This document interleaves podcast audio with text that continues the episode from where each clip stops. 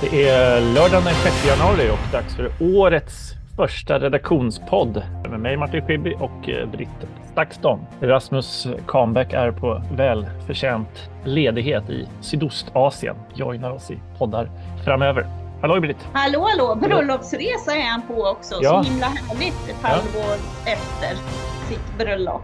Ja. Det ska bli kul att eh, höra mer om resan. Jag tror han stannar en vecka längre och Ja. kommer rapportera lite för oss också. Ja, han har nog svårt att hålla sig. Ja, kombinera nytta med nöje. Ja, ja men precis. Innan eh, jul precis så bjöd ju eh, Blankspot in till en julglögg med, med läsarna och eh, jag blev ju oturligt nog sjuk.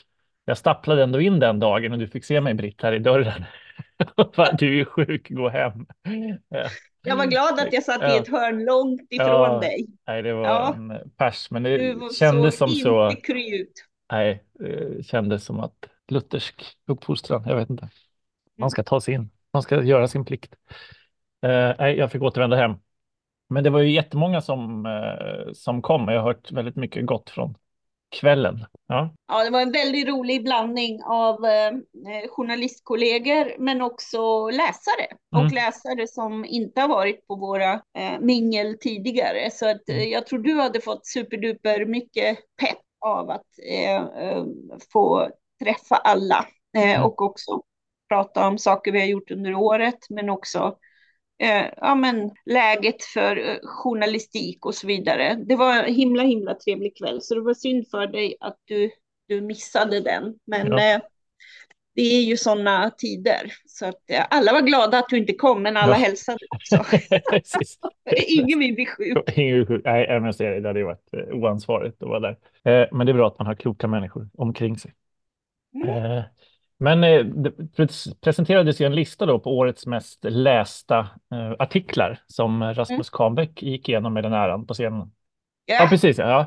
Eh, och om man ändå ska prata lite grann innan vi blickar framåt i den här podden så de sju mest lästa, så på sjunde plats i fjol av allt vi skrev så var det den här genomgången, en FAQ inför den kommande rättegången mot Lundin med bara liksom vad handlar det om, eh, vad gäller åtalet, vilka är målsägandena eh, och så vidare att ja, den där förklarande delen av, av journalistiken, ibland är det precis den som, som behövs, att bara sammanställa det där. För ja och så kan vi väl som- som kombinera det uppskattas.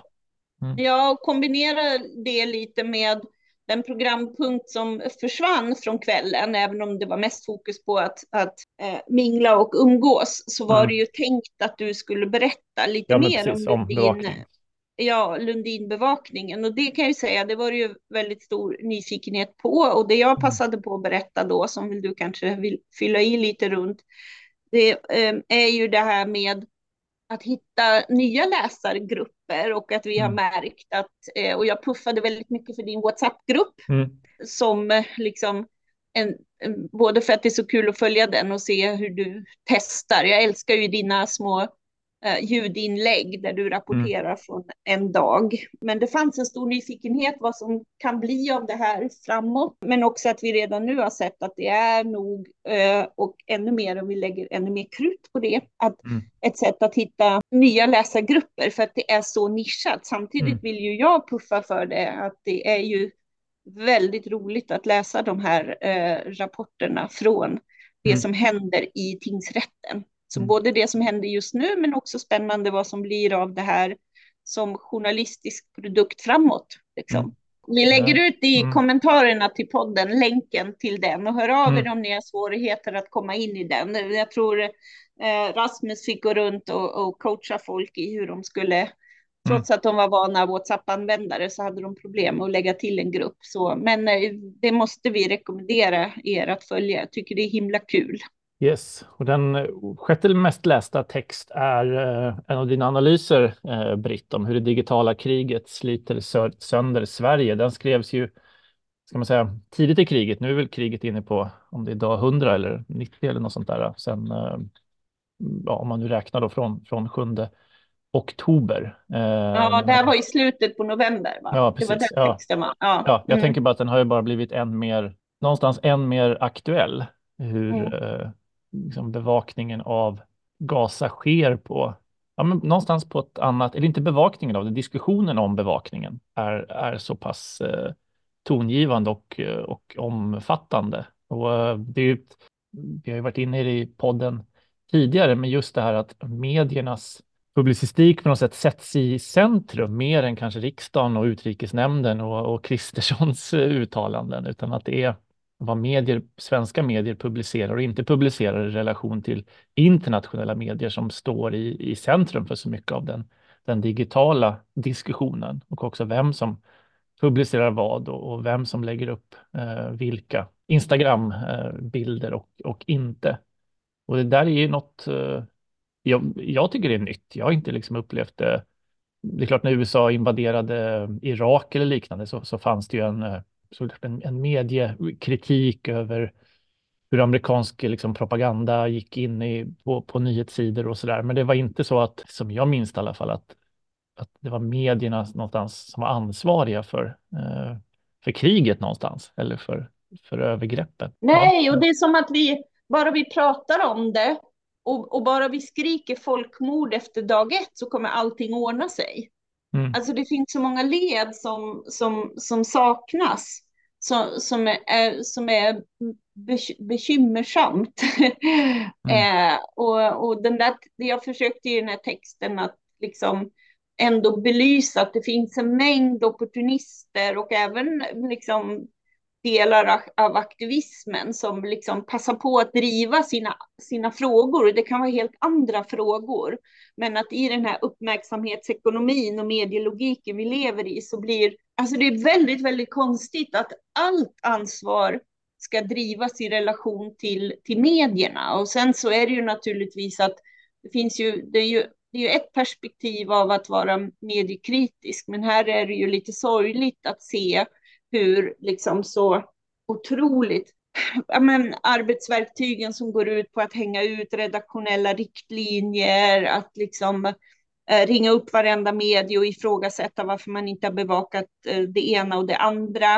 Eh, vad man än, eh, hur man än bevakar så är det att ta ställning. Mm, liksom. Mm. Mm. Och sen känns det som att det är en så stark komponent av att istället för att luta sig mot att det kanske kan finnas är också att det finns, det här är ju som att det inte finns några som helst rättssystem på plats, utan man upplever en, och jag tror folk kommer bränna ut sig otroligt för att man upplever att det är min röst som behövs. Om mm. inte min mm. röst hörs så går allting under och det här vet man ju sedan länge om hur det bränner ut aktivister och här är det på en ny nivå där man kanske kan känna att 20, 2015 när de här eh, många flyktingar kom så, så fanns det där man agerade tillsammans i mycket större grad, klev in som civilsamhälle, enskilda individer i, i nya och ex, gamla organisationer och gjorde något som ja, men till exempel kommunen i Göteborg snabbfotat kunde inte stå på stationen, men där fanns det människor. Och här känns det som att det, det, det finns någonting i en komponent av att man man tror att det man ser i sin ensamhet på natten av saker som är helt obegripliga, att det händer med människor, för du ser, du ser, du ser det i bild och, och ljud. Och så får du som panik av det att du känner jag.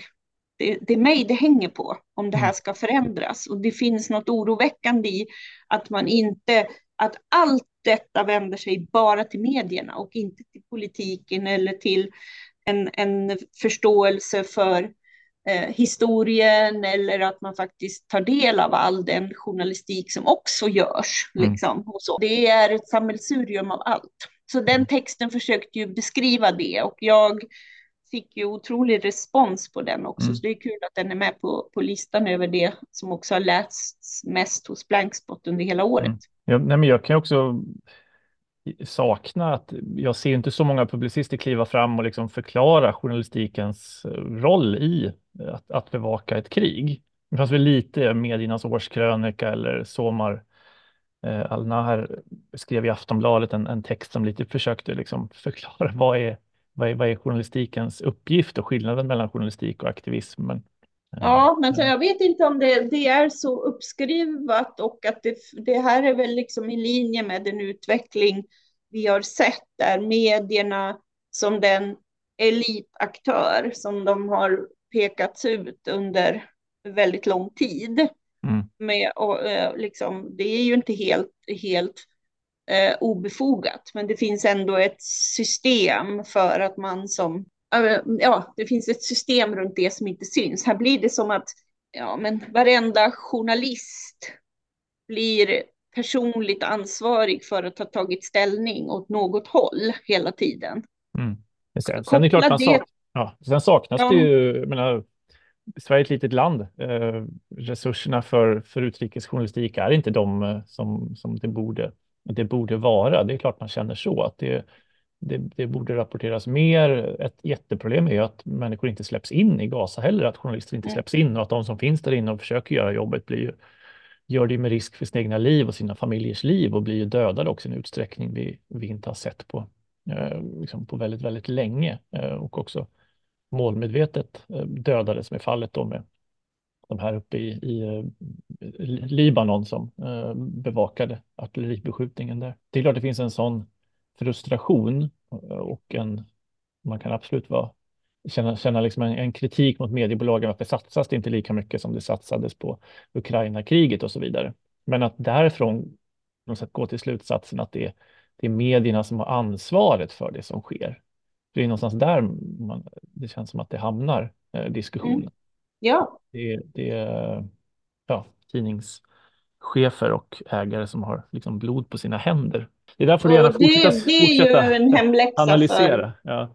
ja, och det där måste ju eh, alltså politiken och politiker ta, ta alltså det säger ju någonting mm. eh, om synen på eh, eh politiker också, när mm. man plötsligt eh, bara tänk, tänker bort det. Det är som att allt är bara mm. opinionsyttringar liksom, och det mm. finns inga det finns inga rättssystem på plats överhuvudtaget i, mm. i någon fråga och så vidare. Från eh, plats fem då så kan man säga att fjärde, tredje och andra eh, fjärde, femte, fjärde och tredje platsen eh, är det artiklar med kopplingar på Azerbajdzjan. Eh, det är KD som bjuder in en delegation i riksdagen eh, i försvarsutskottets sessionssal.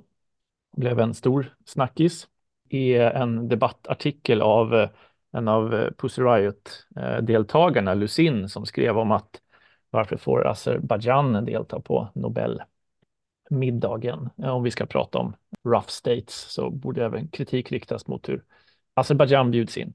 Och en eh, också granskning av hur Radio Free Europe eh, sparkade personal och ersatte dem med journalister mer positiva till Azerbajdzjan. Och vid två av de tillfällen så är det de engelska texterna eh, som då toppar, eller engelska översättningarna av texterna.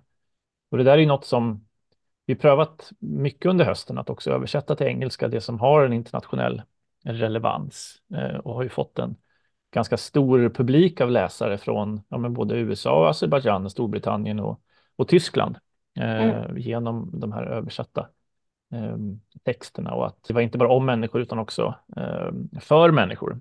Eh, samtidigt har ju det blivit lite rörigt på sajten ibland med varannan text på engelska, så där får vi se hur vi går vidare med det. Men det är ändå kul att se att, att det inte är elda för kråkorna att översätta, utan tvärtom. De hittar sina läsare, de här texterna. Ja, nej, men det är klart, men det är ju en resursfråga mm. på webben eh, och vi har inte hittat något. Jag har försökt hålla på eh, och, och, sortera upp det.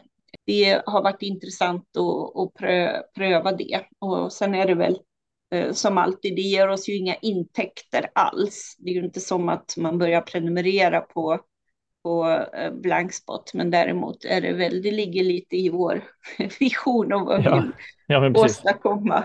Att, lite eh, när det gäller insamlingen, Rasmus Blixt inryckning sist när Nagorno-Karabach etniskt rensades, så uh, tror jag ändå lite av de engelska läsarna pytsade in i den insamlingen. Men absolut, ja, långsiktigt. 20 procent av insamlingen ja. totalt. Men ja, på en daglig basis så Nej, är det precis. ju noll intäkter på utländska. Eh, och vi kände ju att vi ville leverera på det, så det mm. var väl det också. Vi, där lovade vi ju även utländska läsare att de skulle få innehåll. Det är ju inte, det är ju inte fel så, men i vår vanliga linje med noll intäkter och bjuda på en massa innehåll så är det ju helt mm. rätt. Det väl bra, då kanske ChatGPT får annat att skrapa in framöver också, som inte bara är den givna liksom, eh, journalist, eller den liksom breda journalistiken alltid och innehåll. Det är för övrigt en favorithobby eh, med femåringen hemma, ChatGTP och göra bilder och sen så sjöjungfrur och så mera sjöjungfrur, mera sjöjungfrur, mera sjöjungfrur. sen kan man få liksom en hel, hela universum, det är bara sjöjungfrur överallt. Och sen gör vi samma med björnar och med katter och med, det är jätte, till slut så ger den, man når ju någon maxgräns där när man blir jag har använt mycket datakraft i vinter eller vinter. Vad roligt. Ja. På andra plats så är det en eh, Eritrea-kopplad artikel om just det seminariet i, i riksdagen där eh, Joar Forsell Ehm, resonerade hur man skulle stoppa Eritreas, eh, eritreanska regimens aktiviteter i Sverige.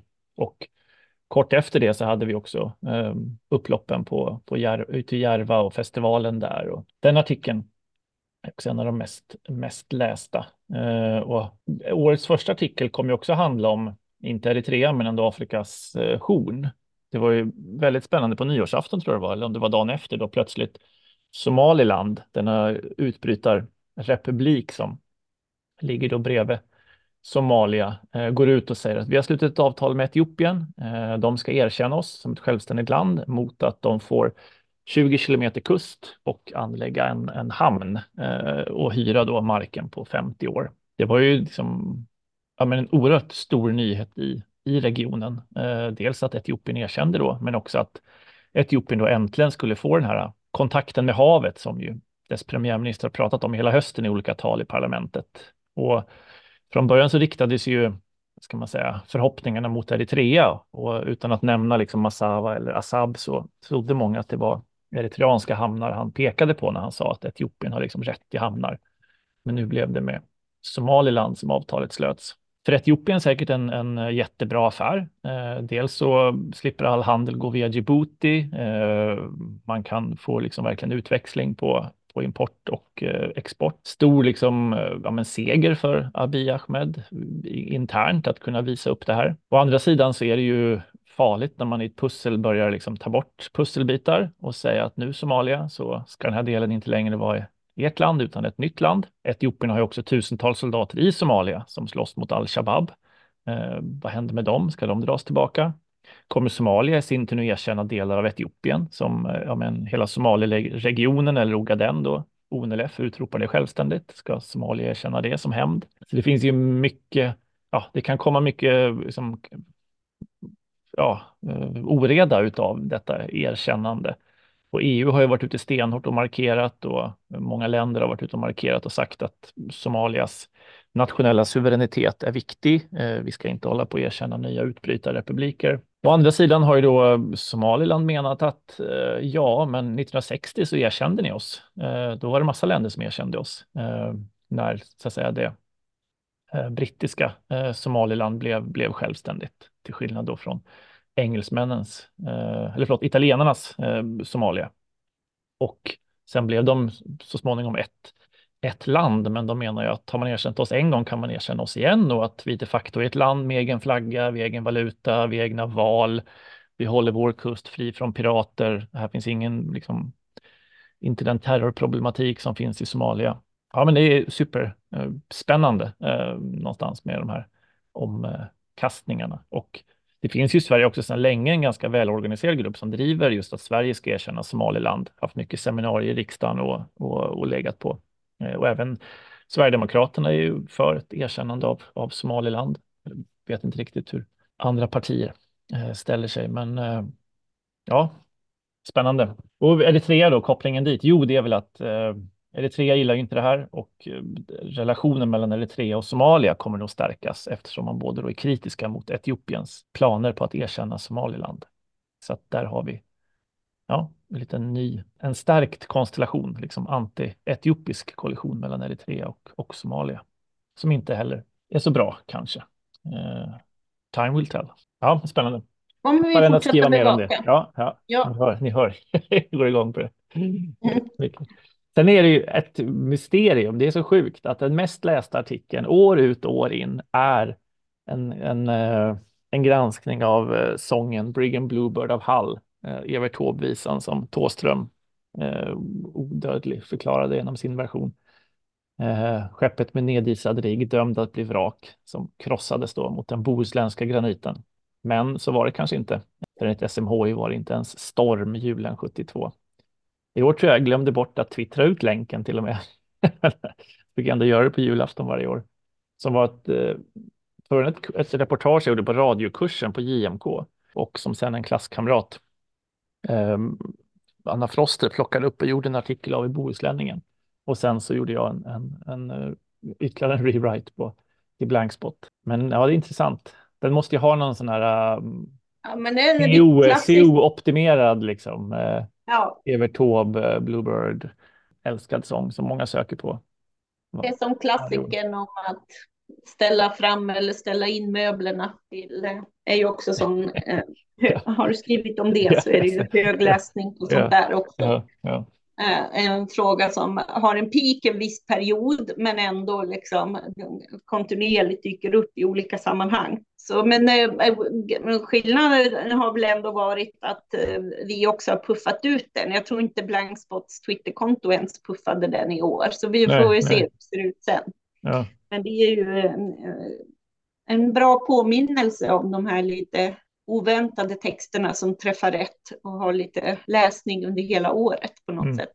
Ja, men vad gäller året som kommer känner man ju att den där texten som jag skrev där berör ju en fråga som är så oerhört tydlig och som jag pratade också om under vårt glöggmingel att att en fråga som är lite, hade vi hoppats, trott, tyckte, borde vara mer överspelad än vad den är, det är ju att förstå hur journalistik fungerar, eh, um, um, liksom att, att ha en förmåga eh, till både ha en grundläggande källkritisk förmåga men framför allt också att ha källtillit Mm, mm. generellt. Och det, den där frågan, visst, det var ju helt uppenbart med det ryska anfallskriget mot Ukraina, att det också där var paniken över att få reda på och få alla snabba svar på frågor som vi kanske om tio år får hela bilden av.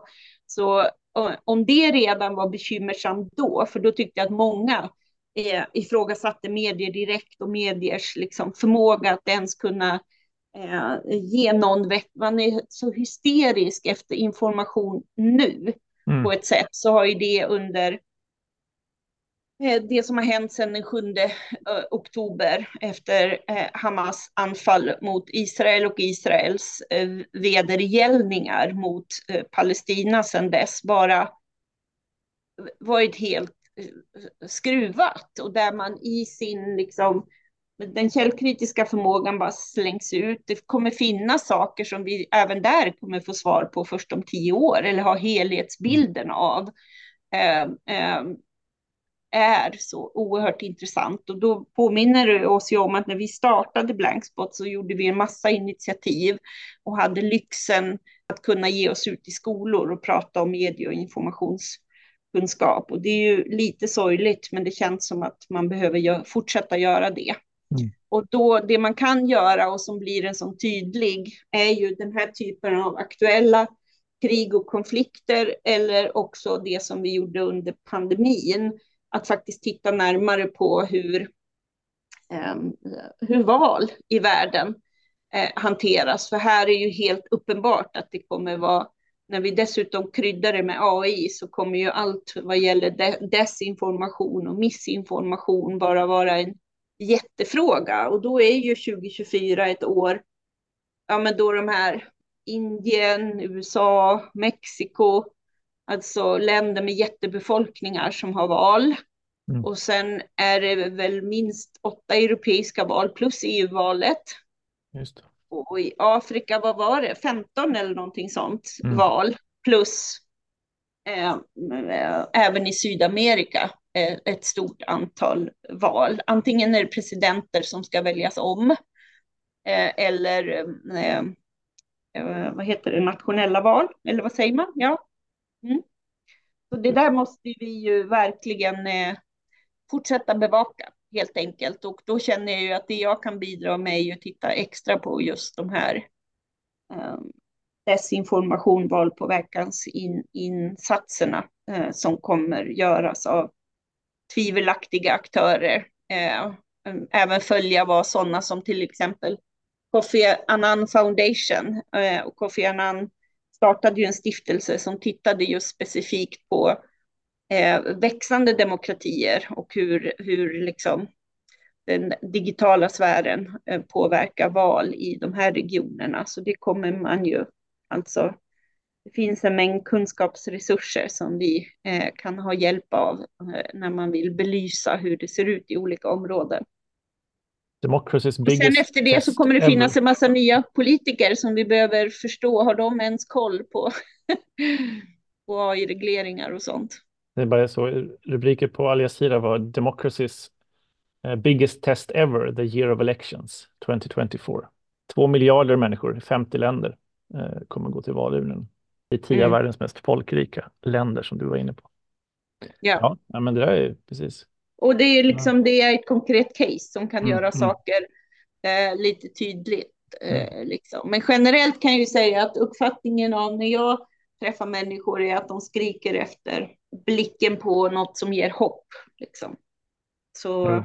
det är väl det man, eh, den typen av berättelser om saker som faktiskt går framåt eller hur man har hanterat sånt och så vidare. Det ska man mm. inte eh, glömma bort i sammanhanget. Och sen tror jag att man behöver påminna sig själv om att det är väl lite det som är min grej i mina texter ofta, att man tänker över sitt eget ansvar och hur man mm. förhåller mm. sig och så där. Liksom. Man blir lätt väldigt passiv av den utveckling som beskrivs. Mm. Och det är kanske det vi ser också när man är uppfylld av att det är min röst som behövs. Men det kanske är vårt gemensamma agerande som behövs. Och hur ska det se ut i så fall? Eh, om man vill ge de verktygen till människor så kanske man ska belysa sånt så att man blir påmind om det. Någonstans vill man ju, alltså det kommer sådana listor så här, men det hände också bra saker i fjol och ser ja, antalet sälar ökar där eller det är alltid sådana här liksom ding ding värdegrejer som då är positiva. Lite grann som har hänt. Eller ja, det känns som det här är ingenting vi tar på allvar, men vi gör en lista med lite knasiga saker. Hård, hårdrar jag det. Eh, det är liksom det är den, att den typen av rapportering ska göras eh, på ett annat sätt än som, som kuriosa och hänga julgranen, utan verkligen visa konstruktivt på lösningar och annat. Sen är det just i, i år har man väl varit liksom har det varit ännu svårare att ta till sig något sånt när det det är liksom lite, det är också ett år bakom oss som har varit resultatet av ja, men förmågan att faktiskt eh, utnyttja den, ja, men det, det, politiska spel, den polarisering som finns, de olika plattformarna, mm. eh, den möjlighet man har. Det, är liksom, ja, det har varit mycket som har visat hur, hur man lyckas påverka saker och ting genom desinformation. Och då när man dessutom har eh, det som händer i eh, Palestina eh, och Israel som parallellt med Ukraina som kanske glöms bort i sammanhanget och vad det skapar för utrymme för Ryssland att agera, länderna runt omkring där. Det är ju inte okomplicerat och det mm, det känner ju folk av samtidigt som det finns en mängd andra eh, konflikter som vi kan fortsätta berätta om också. Så jo, det, det finns ju, ju... Det går ju snabbt, jag tänker på, kanske långsökt, men På spåret hade ju Oman och, och, och Muscat som land härom, härom veckan. Och då står okay. ju SVTs utrikeskorre där nere i havet och berättar om, ja men här passerar stor del av världens liksom, frakt och oljetransporter utanför i sundet. Och så vet man att nej men så är det ju inte nu eh, liksom Houthi-rebellerna i Jemen har ju sett till att alla tvärtom rundar eh, Afrika för att ta sig till, till Europa. Ja. Där är ju ingen farbar led längre idag. Eh, men eh, ja, jag tänker även på spåret som brukar vara liksom noga med att ja, det ska inte kännas alltför apart eh, länderna man är. Där var det verkligen, var man helt out of touch med, med situationen någonstans i den ja eh, fråga. Sen spelas det ju in innan hutiernas anfall och så där. Det är svårt att göra något åt, men det blev tydligt hur snabbt det går i världspolitiken. Det är någonstans ja. otänkbara blir snabbt tänkbart och en ny realitet att förhålla sig till. Ja. ja. ja. Ja, men Ja. roligt att podda det var det. Eh, läs när ni lyssnar på detta så eh, finns nyhetsbrevet i er inbox. Då kan ni också läsa alla de här årets mest lästa och minst lästa texter eh, från i fjol då.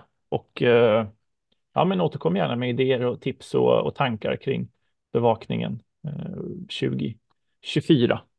Och är ni inte redan betalande blankspottare så är det hög tid att bli det nu direkt eh, när den här jingeln klingar ut. Ja, Bra, Ja, vi bra. hörs nästa vecka då. det gör vi. Hej! Ja, hej hej.